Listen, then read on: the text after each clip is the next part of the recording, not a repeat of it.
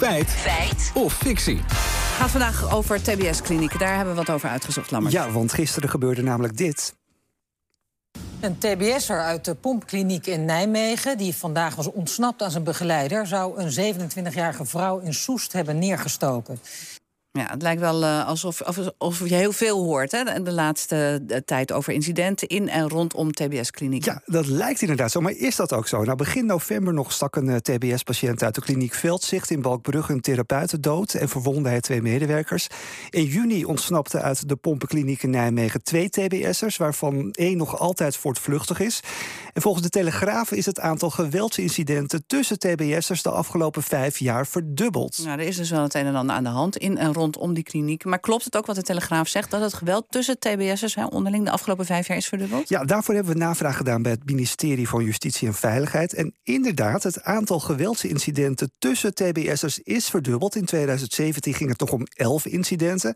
En in 2021 waren dat er 22. Ja, dat, dat is een verdubbeling. Uh, dus is het een feit wat de Telegraaf zegt? ja, dat klopt. Maar uh, ja, dit zijn niet de enige cijfers die, uh, die we van het ministerie kregen. Er is namelijk wel wat nuance aan te brengen in het aantal incidenten in en rondom TBS-klinieken. Ondanks dat we veel horen over ontsnappingen en agressie tegen personeel, zijn die aantallen niet toegenomen. Over wat voor cijfers gaat het dan? Nou, in 2017 waren er 14 geweldsincidenten tegen personeel. In 2021 waren dat er 8. En wat betreft ontsnappingen moeten we onderscheid maken tussen ontsnappingen uit de kliniek en ontsnappingen tijdens het verlof.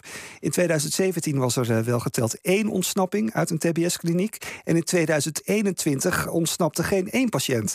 Wat betreft ontsnappingen tijdens verlof kan het ministerie alleen zeggen dat van de jaarlijks gemiddeld 70.000 verlofbewegingen er bij 0,01% iets misgaat.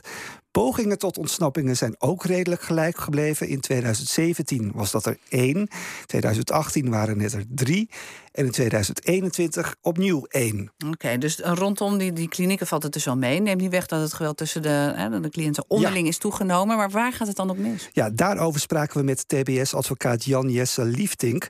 Volgens hem gaat er een hoop mis op de werkvloer van de klinieken. Normaal gesproken, als je kijkt naar een, een carrière in de zorg dan zou je eigenlijk moeten eindigen. Hè, als je dus al je, uh, al je bagage hebt verzameld, zou je dus eigenlijk moeten eindigen in een TBS-kliniek. Maar eh, het, het, andere, het, andere, het, het tegenovergestelde is waar. Mensen beginnen in een TBS-kliniek. Oké, maar dan zou je zeggen, dan, dan staat er verkeerd personeel op de vloer? Ja, inderdaad. En de TBS-advocaat die snapte ook wel dat er dan het een en ander mis kan gaan. Want die werkdruk die is erg hoog.